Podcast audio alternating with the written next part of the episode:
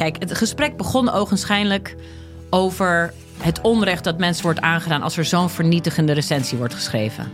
En wat dat met mensen doet. Ja. Daar leek het gesprek over te gaan. Maar gaandeweg, en dat is dankzij goed redactiewerk van mijn eh, redacteur destijds, blijkt dat die test niet deugt. Via podimo.nl slash gonzo luister je de eerste 30 dagen gratis naar Podimo. podimo.nl slash gonzo. In de podcast Radio Romano met Noortje Veldhuizen Met Marcel van Roosmalen. En met Roelof de Vries. brengen we alle drie elke week een zogenaamde signalering mee. Wat heb jij nou weer bij? En aan het eind bepalen we wie de winnaar van de week is. Echt een angstcultuur Lege huls die je er bent. Ja, dat gaat eigenlijk altijd onvriendelijk. Luister nu naar Radio Romano bij Podimo. Via podimo.nl slash Radio Romano luister je 30 dagen gratis. Hallo, vanaf de redactie van de Groene Amsterdammer is dit uw wekelijkse podcast. Ik ben Kees van der Bos.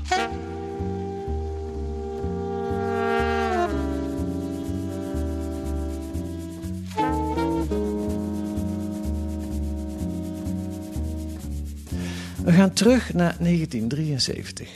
Het is oliecrisis. Arabische landen besluiten om het Westen te straffen voor hun steun aan Israël. En Nederland wordt nog eens extra getroffen door die olieboycott. Een energiecrisis dreigt. Benzine gaat op de bon. En minister-president NL spreekt het volk toe via de tv.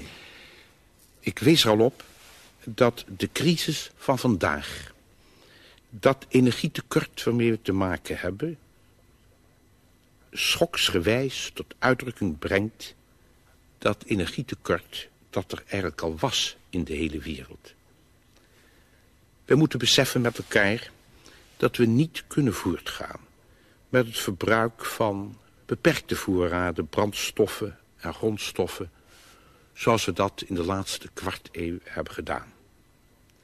Zo bezien keert de wereld van voor de oliecrisis niet terug. Wij zullen ons blijvend moeten instellen op een levensgedrag met een zuiniger gebruik van grondstoffen en energie. Daardoor zal ons bestaan veranderen. Bepaalde uitzichten vallen daardoor weg. Maar ons bestaan hoeft er niet ongelukkiger op te worden. Het bijzondere is dat Joop den Uil in deze toespraak de crisis eigenlijk nog erger maakt dan die is. Door erop te wijzen dat we in het Westen sowieso minder grondstoffen moeten gaan gebruiken, terwijl we al in een oliecrisis zitten. Onafhankelijk of er nu een boycott is of niet. En waarom doet hij dat? Dat doet hij omdat hij onder de indruk is van een rapport dat een jaar eerder is uitgekomen. Het rapport van de Club van Rome. Vijftig jaar geleden kwam dat uit. En het sloeg in als een bom. Aanleiding voor een terugblik. En in De Groene doet Jaap Tielbeke dat deze week in een extra lang artikel. Zelfs voor De Groene een lang artikel. En een boek met als titel We waren gewaarschuwd. En dat ligt hier nu op tafel. Welkom in de podcast Jaap. Dankjewel, Kees. Het langste artikel ooit in De Groene, en zelfs een boek. Eh, waarom? Ja, het klinkt een beetje als een megalomaan project. Maar ik ehm, denk dat het een jaar geleden was, ruim een jaar geleden, dat ik hier deze ruimte binnenstapte. De kamer van de hoofdredacteur, Xandra Schutte. En ik zei, ja, ik heb een plan. Schrik niet. Maar ik wil een heel uitgebreid artikel schrijven over dat rapport van de Club van Rome. We wisten dat het 50-jarige jubileum eraan zou te komen. En dat is echt, dat rapport is echt zo'n iconisch, ja, iconische tekst. Een eikpunt eigenlijk tot op de dag van vandaag in het hele milieudebat. En het was keer op keer dat ik in mijn onderzoek als klimaatjournalist eh, over milieuthema's, dat ik op dat rapport stuitte. Ja. Het is van voor jouw tijd, hè? Ruim voor mijn tijd. 1972, Ja, ja, ja, was ja. jij er nog niet? Nee, nee. Maar je, je kwam het steeds tegen. Constant. En eh, de eerlijkheid gebiedt me ook te zeggen dat ik er zelfs al wel een aantal keer over had geschreven. Meestal zijdelings in een bijzinnetje. Zo van het legendarische rapport dat eh, grondstoftekorten voorspelde. Of de voorspellingen van de Club van Rome die niet zijn uitgekomen. Ehm, zonder dat ik het daadwerkelijk had gelezen. Dus het, het had al, ik denk zoals bij veel mensen, had het een soort, zat het wel in, in de publieke geheugen zou je kunnen zeggen. Maar het leek me toch goed om eh, die, die legendarische tekst is goed te bestuderen. Ook om Ja. te kijken van wat staat er nou daadwerkelijk in. ook omdat ik merkte dat het volgens mij toch die, die kernles van er zijn grenzen aan de groei misschien nog wel veel relevantie bevat voor vandaag. Ja, een 50 jaar oud rapport. Dat is best bijzonder als dat nog steeds lessen voor nu zou bevatten. Maar dat dacht je, dat, dat dacht je wel toen je eraan begon. Nou ja, kijk, je weet het natuurlijk al langere tijd over eh, vooral de klimaatcrisis uh, schrijf. En dat is natuurlijk verbonden met een bredere ecologische vraagstukken. Je vorige boek uh, heette uh, Een beter klimaat begint niet bij jezelf. Een beter milieu begint oh, niet sorry, bij jezelf. Een beter milieu dank, begint... dank voor de promo. ja, nee, dat klopt. En, en, en, ook, nou ja, eigenlijk komt het ook deels daaruit voor. Want daar zit ook wel een, een hoofdstuk in waarin ik een beetje het onderwerp aanraak van... kunnen we economische groei, oneindige economische groei nou verenigen met een gezonde, gezonde planeet? Ja. En ik ben daar toen een beetje van weggebleven, eerlijk gezegd. Omdat het te ver voerde om in dat boek nog uh, te blijven. Maar dat is wel een onderwerp wat ik nog verder wilde uitdiepen. En dat leek me mooi te combineren met zo'n meer historisch stuk over de Club van Rome. Omdat Ja. dat in de kern, of het raakt aan, aan, aan wat, de, wat de kernboodschap van dat rapport was. Dus Toen je hier de kamer van Xandra binnenstapte, had je het rapport toen al gelezen of was je toen van plan om het te gaan lezen? nee, toen had ik het al wel gelezen. Ja, ja. Oké, en wat, wat was jouw... Want dan, dan ga je dat dus echt lezen. En wat gebeurt er dan? Nou, het, het klinkt als een ehm, heel doorwrocht, taaie tekst. Maar wat me als eerste opviel is dat het eigenlijk een heel prettig leesbaar boekje is. Boek is. Ja. Het is ook een handzaam formaat. Ja. Het is eh, voor een breed publiek geschreven. Eh, dat maakt het al, dat verklaart ook, denk ik, het succes van destijds. Ja. Maar wat me opviel is dat een aantal van die misverstanden, die nog steeds behoorlijk hardnekkig zijn, ja, die, die bleken, dat bleken misverstanden. Of de percepties die bestaan bleken dus onterecht. Bijvoorbeeld dat het alleen maar hamerde of alleen maar voorspelde dat grondstoffen zoals olie, hè, dat was toen de voornaamste zorg, dat die op zouden raken of goud op zouden raken. Of dat de wereld ten einde zou komen door een hongersnood. Dat zijn vaak, hè, ook bij mij, als er toch iets blijven hangen van ja, dat rapport is een beetje een achterhaalde doemprofetie. Ja. En zo wordt het nog Ja. vaak bekritiseerd. Ja. Terwijl het ligt echt stukken genuanceerder als je dat rapport gaat lezen. Wat zij doen, het zijn systeemwetenschappers en het revolutionaire aan dat boek was dat zij werkten met een model, een computermodel. Nou, dat was helemaal revolutionair voor die tijd. Maar eigenlijk de achterliggende gedachte is dat ze de wereld als geheel probeerden te beschouwen. Dus proberen echt die wisselwerking tussen verschillende factoren in kaart te brengen. En dat levert hele boeiende inzichten op, die dus nog steeds actueel zijn. Wat ze Ja. deden is niet het voorspellen, maar doorrekenen van scenario's. Ja. Ehm, dus ze hielden, in tegenstelling tot wat vaak wordt gezegd, wel degelijk rekening ook met meer optimistische scenario's over technologische innovatie, grotere grondstoffenvoorraden. Alleen aan de centrale conclusies veranderde er niks. Je kon die grenzen oprekken, verplaatsen, maar zolang er niks eh, veranderde aan die dynamiek van exponentiële groei van zowel de wereldbevolking als de industriële productie, dus laten we zeggen de materiële economie, dan stort het systeem eh, in de loop van de 21ste eeuw in elkaar. Ja, eigenlijk is het een hele kinderlijk simpele eh, conclusie. Hè? We leven op een beperkte planeet. Het ligt heel erg voor de hand dat je daar niet onbeperkt eh, kunt groeien. Maar toch was het, toen dat in 1972 eh, uitkwam, het was een bom, een Ja. tijdbom. Het sloeg in als een bom en niet alleen doordat er meer dan een kwart miljoen exemplaren van verkocht zijn. Alleen al in Nederland, Ja. en wereldwijd veel meer. Maar ook politici als Den Uyl, die we net hoorden, Hans van Miel, dat beschrijf je ook, die eh, namen die boodschap ook eh, onmiddellijk over eigenlijk. Hè? Die, die, die, die, ja, eh, ze zagen dat het klopte, zonder dat exact misschien de, de precieze voorspellingen uitkwamen. Laten we daar even naar kijken. Of nee, laten we eerst de structuur bepalen. Je hebt in jouw boek, neem jij vier momenten eh, die je beschrijft over hoe dat rapport ontvangen en beoordeeld wordt. 1972, 20 jaar later, 1992, dan komen ze met een nieuw rapport, dat eigenlijk nog veel ernstiger is. 2002 en 2022. Nou, daar komen we aan het eind van het gesprek, komen we daarop. 1972. Eh, jij was onder de indruk toen je het las. Je bent gaan praten met mensen die, eh, die als Jan Pronk, ja, Den leeft niet meer, Hans van leeft ook niet meer. Je hebt geprobeerd eh, je eigen te maken hoe dat eh, ontvangen is in 1972, dat rapport. Hoe doe je dat eigenlijk als, als journalist die zelf niet in die tijd geleefd heeft? Hoe, hoe, hoe, hoe onderzoek je dat? mensen spreken die dat wel destijds hebben meegemaakt. Dus bijvoorbeeld Jan Pronk, je noemde hem net al even. Hè, wat jij zei, van, het klinkt toch eigenlijk heel voor de hand liggend. Hè? Oneindige groei op een eindige planeet is onmogelijk. Maar hij vertelde ook, ja, tot aan dat moment hadden we daar gewoon niet bij stilgestaan. We, we, zagen de aarde gewoon daadwerkelijk als een onuitputtelijke bron van, uh, van grondstoffen. En er kwam niet bij ons op dat we de uitlaatgassen uit de auto, ja, die, die verdwenen gewoon in de lucht. Er kwam niet bij ons op dat dat een probleem zou kunnen vormen met vervuiling. Lange tijd hebben ehm, ze het kernafval gewoon in de zee gedonderd. Het ja. was, hè, dat weg, ja. weg ermee. Dat was het weg. Dus, dus ik ben gewoon begonnen met benaderen van heel veel mensen die betrokken waren, al dan niet direct bij de ontvangst van het rapport. En ik heb me in dat in 72 vooral uh, gericht op de ontvangst in de Nederlandse politiek. Ja. Nou, je zei Den L en Familo leven niet meer, maar gelukkig zijn er wel goede boeken over verschenen, zijn hun teksten nog terug te vinden. Dus dat ben ik allemaal gaan lezen. Ik heb de systeemwetenschappers uh, die bij dit rapport, bij het oorspronkelijke rapport betrokken waren, heb ik ook kunnen spreken. Dus zo vormde zich langzaamaan, kon ik eigenlijk vrij goed beeld vormen uh, van hoe het in die, die tijd was. Beeld- en geluidarchieven, ja. andere archieven. Uh, ja, dat, dat schetste wel een aardig uh, plaatje. Ja, ik kan het me nog herinneren. Uh, ik ben wat ouder dan jij. Maar hoe, hoe was het in die tijd? Wat viel je daaraan op? Nou, er zijn twee dingen. Dus, dus ik noemde net van, van, van Pronk, zei ja, het was wel echt een eye-opener. Ja. Dat idee dat die exponentiële groei uiteindelijk op den duur goedschiks of kwaadschiks ten einde zou moeten komen. Maar het was natuurlijk ook een tijd met wel heel veel zichtbare milieuvervuiling. Dus eh, veel ernstiger en tastbaarder, dat vooral, dan vandaag. Als je het hebt over de vervuiling van rivieren, over smog.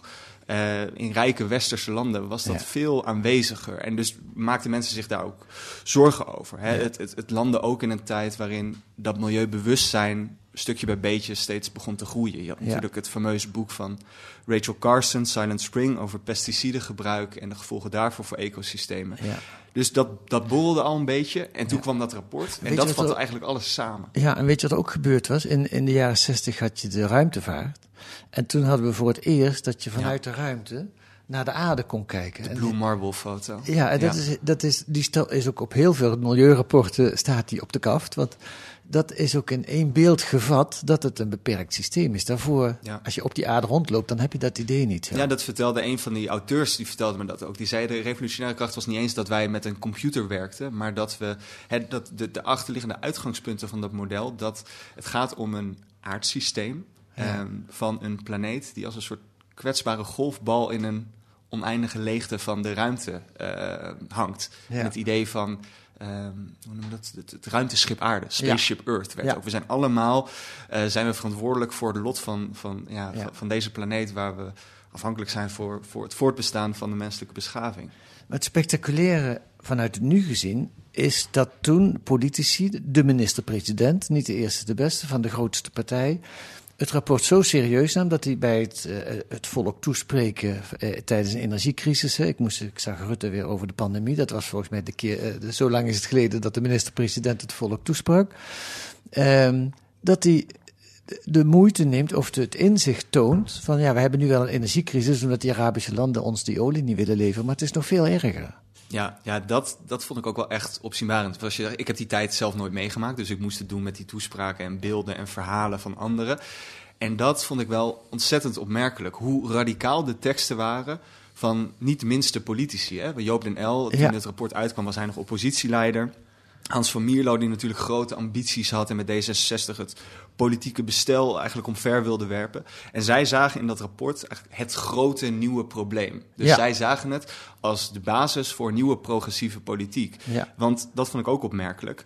Uh, dat rapport is eigenlijk vrij apolitiek. Die rap, dat rept niet zozeer over wat, welke antwoorden er geformuleerd moeten worden. Maar wat zij er onmiddellijk aan verbonden was ook... als je ervan uitgaat dat we op sommige vlakken moeten minderen... dan is het ook eerlijk dat degenen die meer hebben, meer inleveren. Dus ze verbonden het automatisch aan een soort. Ze konden het vrij makkelijk inpassen in een soort klassieker sociaal-democratisch verhaal van het verdelingsvraagstuk. De sterkste schouders moeten de zwaarste lasten dragen. Nog één voorbeeld van hoe uh, radicaal het politici uh, beïnvloeden. Sikko Mansholt was ja. uh, eurocommissaris geweest. Ik geloof dat hij in 73 alweer uh, eurocommissaris af was, of net op het eind van zijn termijn zat. Hij was eurocommissaris en toen is hij ook, net rond die periode, was hij ook op, op een gegeven moment een soort tijdelijke voorzitter. Dus toen was hij echt de grote man in Brussel. Ja, nou, die was ook diep onder de indruk van het rapport. Heeft zijn hele politieke opvattingen veranderd. Hij zei, die hele landhervormingen die ik gedaan heb in die tijd is eigenlijk helemaal fout geweest. Ik had op andere dingen moeten letten. En ik, nou, ik heb een kort citaat van uh, Mansholt. Dat betekent een radicale politiek. Een radicale verandering van de huidige politiek, waarbij alles geproduceerd wordt of alles afgestemd is op de grootst mogelijke productiviteit, de laagst mogelijke kostprijs, waarbij men zich eigenlijk niet stoort aan het spoor van vuil dat men achterlaat. Met andere woorden zegt hij, ik heb me op de verkeerde dingen gericht. Dat is nogal wat. Je zou dus denken, dat gaat wel goed komen eigenlijk. Het komt een rapport met ernstige waarschuwingen, de wereld gaat ten onder, politici nemen het serieus. Wat is er misgegaan? Ja, dat was ook een beetje de verwachting destijds van de hoofdauteur uh, van het rapport, Dennis Meadows, die ik ook uitgebreid gesproken heb. Die zei ook van ja, dat, dat was precies wat ik verwachtte. Ik, wij presenteerden de feiten, die legden we voor, zouden we voorleggen aan politici. Die zouden het licht zien en zouden actie ondernemen. En dan konden we dat probleem verhelpen. Nou, ja. je zegt terecht, dat is niet gebeurd. En dan is Nederland wel echt, moet ik erbij zeggen, het land waar zeker in de politieke arena dit rapport het meest resoneerde. Dus daar waren echt de, de progressieve drie, dus de PvdA, D66 en de PPR, de politieke partij Radicale, voorloper van GroenLinks. die hadden een gezamenlijk verkiezingsprogramma. Keerpunt 72. Keerpunt 72, waar echt dit rapport een soort politieke vertaalslag moet krijgen. Waar behoorlijk, zeker voor uh, naar hedendaagse standaarden, behoorlijk radicale teksten in stonden. vervolgens mag dat blok ook gaan regeren. Ja. En weliswaar in een, een ja, coalitie of een, een, een akkoord met de confessionele. Dus ze hebben niet helemaal eh, een meerderheid en de vrije hand. Ja, ik moet even zeggen dat buiten de economische groei doorgaat. En dat, er, dat we af en toe wat uh, bouwgeluiden horen. Grenzen moeten stellen. Ja, maar, maar dan merk je toch al heel snel dat in die revolutionaire plannen in de Nederlandse polderdemocratie toch al snel verwateren tot compromissen. Dus het is te kort door de bocht om te zeggen dat er niks mee is gebeurd. Hè? Dus is, sinds de jaren zeventig zijn er wel degelijk uh, belangrijke milieuwet en regelgeving doorgevoerd. Er is wel degelijk dat milieubesef is dieper verankerd geworden in de Haagse politiek. Ja. Alleen aan dat, echt de kern, dus dat, dat streven naar oneindige groei. Daaraan is in wezen niks veranderd. En ik vroeg dat ook aan Jan Pronk en die zei ook ja. Um, we zijn ingehaald door het, door het kapitalisme. En um, je, moet ook, je moet je ook voorstellen dat die oliecrisis bijvoorbeeld, voor Den L was dat deels een bevestiging van uh, de waarschuwingen van het rapport van de Club van Rome. Aan de andere kant uh, zorgde het ook gewoon voor acute problemen. De werkgelegenheid kwam in gevaar, uh, de economische groei opgeven. Dat klinkt makkelijk, maar dat heeft ook allerlei gevolgen voor de gewone man en vrouw en burger ja, in als Nederland. Als de groei 1% tegenvalt, dan opent het journaal daarmee bij wijze van spreken. Dan hebben we een probleem in Nederland. Daarom, dus dat was ook natuurlijk weer werkgelegenheid en, en, en het materiële welzijn um, van de Nederlandse burger. Dat was ook toch voor, voor Den L uiteindelijk een acutere zorg. Ja. Um, en eigenlijk is de boodschap verdwenen, zou je kunnen zeggen. Tenminste, twintig jaar. Er zijn inderdaad milieuwetten eh, gekomen, maar er zijn vooral heel veel wetten en regels gekomen. Nou, komen we daar nog op. Sommige dingen zijn wel veranderd. Maar eh, twintig jaar later kwam er een tweede rapport, een soort update. Die was eigenlijk nog alarmerender dan uh, het eerste rapport uit 1972. En die, deed, die, die sloeg een beetje dood. Ja, Nee, dat is ook precies de reden waarom ik voor die vier jaartallen heb gekozen. Omdat ik echt wilde proberen te achterhalen van hoe komt het toch dat dat gedachtegoed, dat grensdenken noem ik het maar even, is verdreven door het geloof in groene groei. Want dat zie je heel duidelijk gebeuren. En dat, dat, voor het eerst wordt dat heel duidelijk zichtbaar in 92, op het moment dat zij dus inderdaad met een, een opvolger komen, de grenzen voorbij. Nou, de titel zegt het al. Uh, het is eigenlijk uh, nog, nog ernstiger. In die 20 jaar zijn we de grenzen gepasseerd.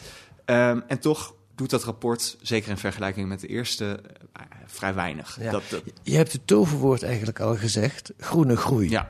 De groei werd gered door er groen voor te zetten. Ja, ja, dat was een beetje het gedachtegoed wat in de jaren negentig uh, opgang vond. Het is natuurlijk ook de context van hè, het, het, einde uh, van de geschiedenis. Het fameuze essay, het boek van Fukuyama verscheen ook uh, in dat jaar. En de gedachte was toch, ja, we hebben de, de formule achter de vooruitgang ontrafeld. We kunnen economische groei doorzetten, we zorgen voor betere materiële welvaart en tegelijkertijd de milieuproblemen oplossen. Want daar komt bij, veel van die meer tastbare, concretere milieuproblemen, zoals luchtvervuiling, uh, vervuiling van uh, meren en rivieren, die waren wel degelijk verholpen ook in rijke westerse landen. Ja, dus, dus die, die, wereldleiders, Bush geeft ja. op de top in, in Rio, de eerste Earth Summit in Rio in 92, geeft hij een toespraak en daar zegt hij, twintig jaar geleden dachten mensen dat de grenzen bestonden aan de, aan de groei, maar kijk eens naar wat wij in de VS hebben gerealiseerd. We zijn door blijven groeien en we hebben tegelijkertijd voor gezorgd dat we de natuur beschermen en schonere rivieren krijgen. Dus dat idee leefde heel erg. Van we can have it both. Ja, geen grenzen aan de groei, eigenlijk. In Nederland kun je dat ook zien in de zin van, er zijn echt ook milieuproblemen opgelost. Zure regen is een tijd lang was dat, dat is trouwens niet alleen een Nederlands probleem. Uh, in Tsjechië had je ook dode bossen. Uh, de ozonlaag, het gat in de ozonlaag, dat is eigenlijk een heel spectaculair voorbeeld, want dat is echt een wereldwijd probleem. Werd veroorzaakt door CFK's, geloof ik, door bepaalde gassen die vooral in koelkasten zaten. En er werden contracten gesloten eh, wereldwijd en de problemen werden opgelost. Dus in die zin zijn eigenlijk twee dingen gebeurd. Voor een deel werden de problemen ook aangepakt na, na dat rapport van de Club van Rome. Zeker, en de vraag is dan een beetje, komt dat doordat de economische groei doorgang vond, waardoor technologische innovatie op gang kwam en daardoor oplossingen werden gevonden. Dat is denk ik wel een deel van het verhaal. Dat is onmiskenbaar dat technologie daar een rol in heeft gespeeld. Maar je moet ook niet vergeten dat milieubewustzijn dus wel degelijk effect heeft gehad, waardoor er ook gewoon strengere milieuwetgeving uh, kwam. Maar je ziet ook een ideologische draai van grenzen aan de groei naar groene groei. Ja. Dat is een ideologische draai, waardoor je ineens weer mag groeien. Absoluut. En, en, en het, het gekke is dat, je noemde net het gat in de ozonlaag. Dat is vaak het voorbeeld wat dan vaak wordt gebruikt. Want die andere milieuproblemen, dat zijn lokale problemen die je op lokaal niveau vrij gemakkelijk kan verhelpen. En een deel van het antwoord is ook dat we simpelweg de vervuilende productie in het Westen hebben verplaatst naar andere landen met minder strenge milieuregelgeving. Mhm. Ehm, maar het gat in de ozonlaag wordt dan vaak gebruikt als model van zo moet het, zo moeten we ook die andere grote problemen uh, mondiale milieuproblemen ja, oplossen. Het gaat, gaat in de ozonlaag is bij iedereen, dat zit daar boven in de lucht. Precies, en, en, en in 92 wordt het ook wel duidelijk dat dat is nog eigenlijk komt nauwelijks aan bod of niet aan bod in het oorspronkelijk rapport, dat klimaatverandering een probleem begint te worden. Dus de broeikasgassen die we met z'n allen uitstoten.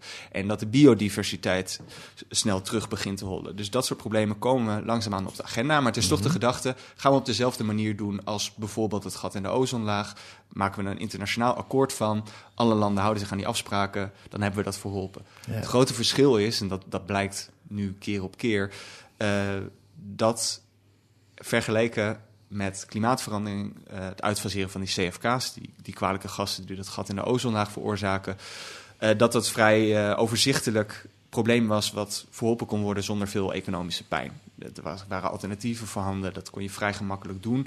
Uh, het uitfaseren van fossiele brandstoffen daarentegen, wat natuurlijk moet gebeuren om klimaatverandering te Waar we nu middenin zitten eigenlijk. Precies, dat blijkt toch een uh, vrij uh, moeilijke opgave, behoorlijk ja. ingewikkeld, omdat dat natuurlijk helemaal verbonden is met de motor van de economische groei. Ja, om nog maar te zwijgen van het instand houden van de biodiversiteit, wat ja. ook heel belangrijk is en nog een stap moeilijker is. Ja, dat vond ik eigenlijk toch wel weer een, een goede reminder, ook in een gesprekken met Dennis Meadows. Hij zei ook van, en dat klopt natuurlijk ook, we, we, zijn nu heel erg doordrongen van de ernst van de klimaatcrisis. Dat zien we als een soort existentiële bedreiging en niet geheel onterecht, denk ik. Alleen we moeten niet vergeten dat dat een symptoom is van een veel diepere, ja, verstoorde relatie met de, de aarde, zou je kunnen zeggen. Um, Waarvan ook natuurlijk biodiversiteitsverlies een, een, een belangrijk symptoom is. Dus dat is wel weer eh, dat, dat, die holistische blik, die eigenlijk uit dat oorspronkelijke rapport staat, uh, spreekt, die is denk ik ook nog steeds heel waardevol. Ja. Uh, ik ga even een paar stappen maken. Mensen moeten dat, dat artikel gewoon maar lezen, moeten je boek maar lezen om, het, om alle, alle details te pakken. Ik ga even de stap maken naar, naar eerst één vraag, een hamvraag aan jou. Die, die truc van groene groei. Mm -hmm. Is dat nou echt een truc of zit er ook iets in? Zou je ook kunnen zeggen, ja, met groene groei. En dan bedoelen we mee, uh, bijvoorbeeld als je windmolens produceert, of zonnepanelen, dan is er ook economische groei, terwijl je toch bezig bent met het oplossen van een probleem, in plaats van het creëren van een probleem. Dus is die, die, dat idee van die groene groei, is dat een doodlopende weg waar we uit moeten, of is dat, is, is dat iets wat ons helpt? Ik denk dat je, als je naar de afgelopen decennia gaat kijken, dat dat in ieder geval niet het uh, probate medicijn is gebleken waar we het voor hadden gehouden toen we daar in de, de jaren negentig uh, mee te koop liepen. Kijk, de, de vraag, ik snap de vraag volledig en dat is natuurlijk ook de hamvraag, maar ik denk dat we het om zouden moeten draaien. Dus wat we nu vaak doen is, we moeten groeien, dat is premisse 1. En dan gaan we dat op zo'n groene mogelijke manier proberen te doen. Terwijl je ook zou kunnen zeggen, we zouden de prioriteit moeten leggen bij uh, voorkomen dat we door dat ecologische plafond heen schieten, binnen de planetaire grenzen blijven. En dat gaan we doen op een manier die economisch zo goed mogelijk is. of het BBP daardoor nou groeit of daalt, uh, dat doet er niet zoveel toe. We gaan dat doen op een manier waarop we mensen zo goed mogelijk welzijnsniveau hm. kunnen bieden. Hm. Dus dan draai je het om. En, en, en dat is een stap die we nog zeker niet hebben gezet. We blijven nog steeds bij het idee, BBP moet groeien en dat gaan we proberen op een uh, zo groen mogelijke manier te doen. En ja, de, de ontkoppeling dus van de milieu-impact en de stijging van de BBP, waar mensen dan op hoopten en op vertrouwden, ja, die, er zijn nog te weinig aanwijzingen dat dat op een tempo en een schaal kan, uh, om bijvoorbeeld onder die anderhalve graad opwarming te blijven. Ja, je zou kunnen zeggen, misschien kan het in theorie, maar in de praktijk lijkt het er niet op. Ik kan niet bij voorbaat zeggen dat het per definitie onmogelijk is. Nee. Um, maar ik denk wel dat het gevaarlijk is om ja. erop te vertrouwen dat het dat het gaat lukken, sowieso. Goed, we maken een sprong. 50 jaar naar nu. Uh, Jaap Tielbeke, we zitten in de, in de burelen van de Groene Amsterdammer. 50 jaar na de Club van Rome. En we hebben nu een gezamenlijk programma van de P van de A en GroenLinks. Die trekken samen op. Um, dat zijn de meest milieuvriendelijke partijen met de Partij voor de Dieren in ons uh, politieke bestel. Uh, je hebt dat programma bekeken. En als je dat vergelijkt met keerpunt 72, dus het programma van 50 jaar geleden, wat, wat kun je dan zeggen? Ja. Nou, in ieder geval dat het taalgebruik behoorlijk is veranderd. dus dat het in, in, in, in, tijd, ja. in 72, dat viel me ook op. Is, het, is de politiek ook wel degelijk een aangelegenheid van hoge heren die um, graag met elkaar over de staat van de wereld filosoferen en hoogdravende teksten okay. daar niet voor terugdeinzen. Maar ik moet, ergens heeft het ook een klein beetje iets potsierlijks. Maar ik vond het ook wel weer een verademing. Het, het, het zorgde me bijna een soort, ja, naar een soort heimwee naar een tijd die ik helemaal niet heb meegemaakt. Um, maar daar spreekt wel echt de durf uit om uh, radicaal te denken, om groot te denken, om buiten de bestaande kaders te denken. En dat is toch wel iets wat je nu zelfs bij de progressieve partijen, dus de, de erfgenamen van um, Den L en van Mierlo, uh, dus zou D66 daar ook bij kunnen rekenen. Ja. Dat is iets wat daar ja, in mijn opzicht vrij weinig uitspreekt. Uh, dus dat die teksten schil afsteken bij keerpunt 72, bij het progressieve verkiezingsprogramma destijds. En ook als je gewoon puur gaat kijken. Aan de ene kant kan je denken, ja, zijn we dan gewoon geen steek verder gekomen? Want in veel opzichten gaat het nog steeds over dezelfde verhalen. Mhm. Maar je kunt denk ik bijna wel zeggen dat in 72 programma en de, de, concrete maatregelen ook die werden voorgesteld nog verder gaan dan nu. Het gaat bijvoorbeeld heel duidelijk over uh, het aan banden leggen van de groei van Schiphol, dat toen nog vele malen kleiner was dan dat het nu is. Uh, het, gaat over. Het moest toen al aan banden gelegd worden en sindsdien is het zes keer zo groot geworden. Ja, precies. Ja, ik, ik, weet niet precies hoe vaak, maar het was toen inderdaad vele malen kleiner dan, dan nu. Ja. Dus van, van het inperken van die groei van de luchtvaart, daar is weinig van terechtgekomen. Uh, hetzelfde geldt ook bijvoorbeeld voor de rol van de auto. Dat was toen ook al een, um, een belangrijk onderwerp van... Ja, we moeten wel uh, ja. paal en perk stellen aan het uh, gebruik van uh, particulier autobezit. We moeten investeren in het openbaar vervoer. Maar het ging dus ook verder tot aan de kringloopproductie. Dus dat zijn allemaal termen die nu weer in een nieuw jasje uh, op de politieke agenda staan. Um, ja, soms kan je dan denken van, zijn we dan gewoon uh, geen fluit verder gekomen? Ja. Of zijn we niet achteruit gekacheld? Want eigenlijk mis je de grote visie van nou, toen. Ik denk inderdaad als uh, Jesse Klaver of Liniane Ploemen of Sigrid Kaag... zeg maar de teksten zouden herhalen van, van Mierlo of Den L destijds, dat ze, met, dat ze heel vreemd zou worden aangekeken. Dat ze, dat ze bijna zouden denken van, wat, uh, wat zijn dit voor wereldvreemde uh, ja. gekkies? Die, uh, die, ik bedoel, wees een beetje, een beetje meer realisme kan geen kwaad. Terwijl ja. dat, dat spreekt er natuurlijk wel uit, die, die drang om, om groter te durven denken. Ja. Ja, ik zit even te denken aan Rutte bijvoorbeeld. Die had eigenlijk moeten zeggen: we zitten nu wel in een pandemie. Toen bij zijn eerste afspraak. Maar dit is nog maar het begin. Er gaan nog veel meer pandemieën komen. We, we, moeten echt radicaal veranderen. Maar dat, dat heeft hij niet gezegd. Dat is een opmerkelijke parallel die je eigenlijk trekt. Dat je dus de, de toespraak van Rutte uit het torentje met het uitbreken van de pandemie. Dat was een soortgelijk moment misschien wel, zou je kunnen denken. Dat werd ook vaak vergeleken met die speech. Ja. Maar hij presenteert zich wel heel erg als staatsman, maar hij verbond er geen grotere analyse aan. Van. Geen enkele. Nee. nee, we gaan het... En sindsdien is dat ook eigenlijk nauwelijks, in ieder geval niet vanuit die politieke hoek van de grond gekomen. Nee. Helemaal in het begin wel, van, de, van de coronacrisis was even, god de wereld staat stil, vliegtuigen blijven aan de grond.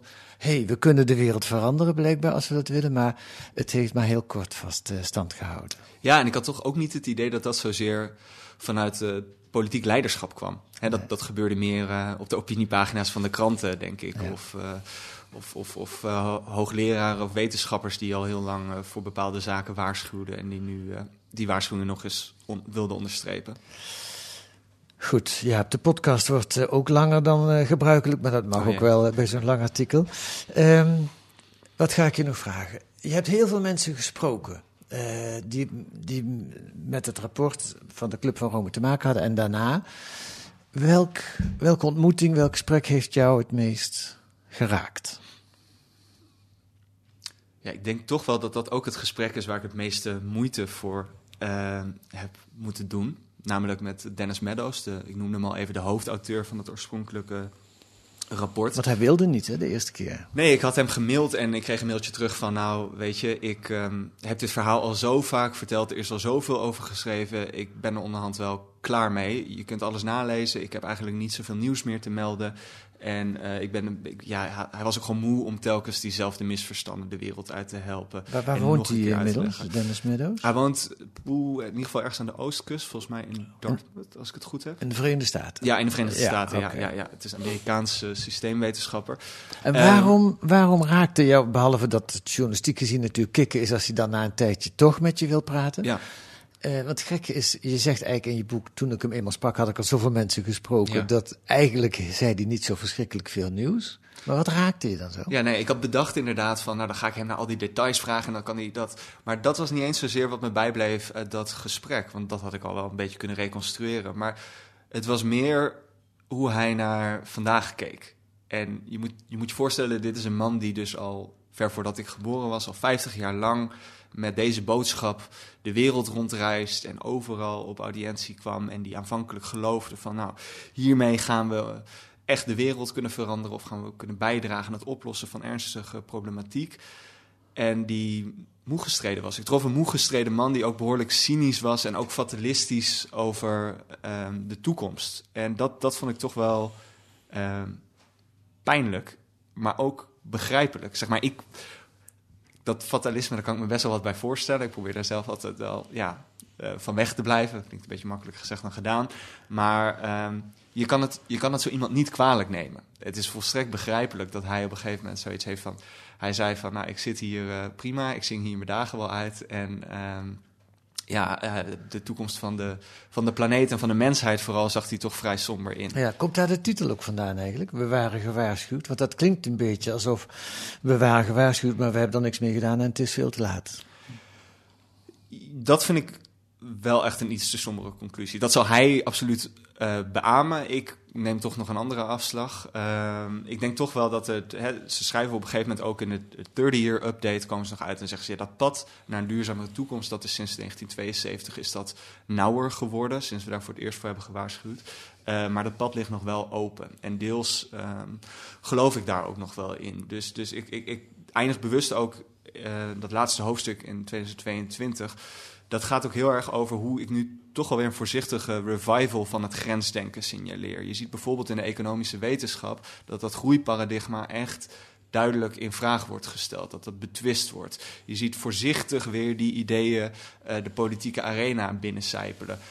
Het, misschien nog niet zozeer als, als, als in jaren, begin jaren zeventig, mm -hmm. maar ja, misschien is het ook een vorm van wensdenken hoor, dat ik dingen zie die ik gewoon graag wil zien. Maar ik geloof er ook wel in dat um, Donella Meadows, een van de andere, de, de ex-vrouw van Dennis en een van de andere hoofdauteurs van het rapport, die noemde het dat we een duurzaamheidsrevolutie nodig hebben. En dat bedoelden ze niet een soort à la de Russische revolutie van we gaan niet met z'n allen de barricade op, gooi het hele stelsel omver. Maar meer in de zin van dat we ook een industriële revolutie hebben gehad en een, een agrarische revolutie. Dat zijn hele processen van de lange duur. Mhm. Zo moesten we dit ook zien. Dus ik denk, dat heb ik ook geprobeerd om die grote lijnen te ontwaren.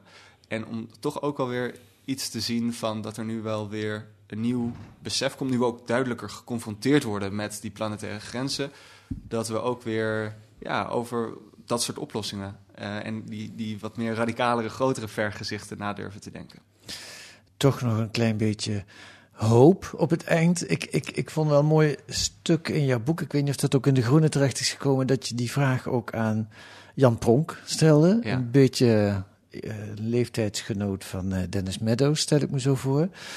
En die eh, slaakte een diepe zucht en verwees vervolgens naar een gedicht waarvan ik een, een audiofragment op internet heb gevonden. Hoop is dat ding met veren dat neerstrijkt in de ziel. En het wijsje zingt zonder de woorden en dat ons nooit, nog nooit ontviel. In stormwind klinkt zij allerliefst en vreselijk moet het noodweer zijn dat zorgt dat het vogeltje de moed verliest. Ze is zo teder en zo fijn. Ik hoorde haar in bitterkoude streken, ook op de hachelijkste zee was zij. Maar nooit, ik overdrijf niet, vroeg zij een kruimeltje van mij. Ik zie je bladeren in het boek. Zoek je de tekst van het gedicht er gauw even bij. Ja. Wat, wat bedoelde Jan Pronk hiermee? Nou ja, hij gaf er denk ik net een andere uitleg aan dan wat de meeste gangbare interpretatie is. Ehm, uit het gedicht springt natuurlijk heel uit het idee dat, dat hoop iets onuitroeibaars is. Maar hij Ja, zei wel iets van. ongrijpbaars ook. Ja, hij zei wel van we moeten niet verwachten dat hoop iets is wat als een veertje naar je toe komt dwarrelen. Ja. Eh, maar iets wat je zelf moet belichamen, noemde hij het. Iets wat je zelf moet bevechten. En ik denk dat hij zelf dat ook lange tijd in de politiek eh, heeft proberen te doen. Ja. Dus, dus dat vond ik ook wel een mooi contrast met Dennis Meadows. Hij ziet de boel ook somber in, maar hij engageert zich nog wel op allerlei manieren met dit thema en, en mengt zich nog in het debat. En dat is inderdaad de erkenning, dat is volgens mij de kern van wat hoop is. Zo van de erkenning dat de situatie nu, dat we er slecht voor staan, laten we het zo zeggen. Maar dat de toekomst ook nog fundamenteel open ligt. En dat hoe die toekomst eruit gaat zien afhangt van ja, de, de keuzes die we, eh, die we maken. En dat je je moet inspannen, en dat is ook een beetje de boodschap van Donella Meadows, eh, om dat systeem te her te ontwerpen. Ja. ja, en zonder hoop blijft er ook zo weinig over. Hè? Ja, dan kan je de handdoek in de ring go- gooien en eh, in een hoekje gaan zitten grienen. Maar daar, daar wordt de wereld al helemaal niet eh, beter van. Nou, misschien over 25 jaar een lang artikel, 75 jaar na het rapport van de Club van Rome. Wie weet. Jaap Tielbeek, dankjewel voor dit gesprek.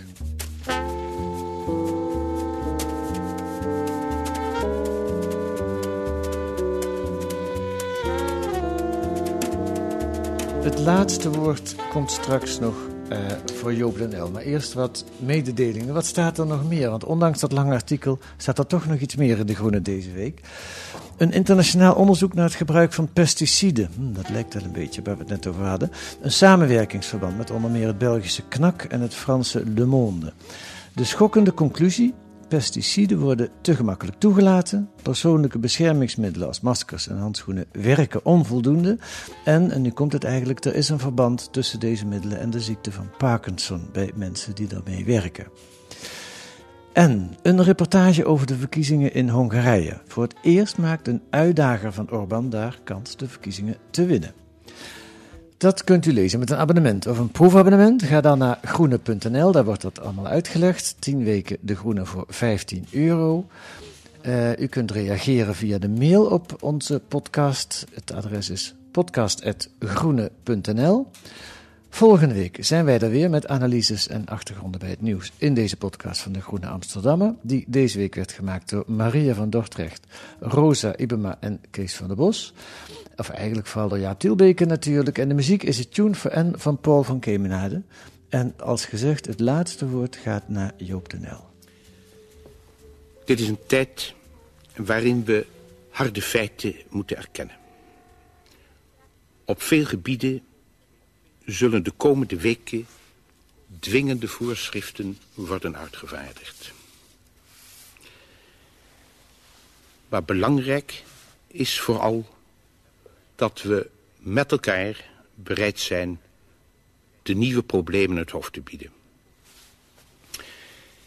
Die medewerking is nodig. Want we kunnen niet alles afdwingen. Dat willen we ook niet.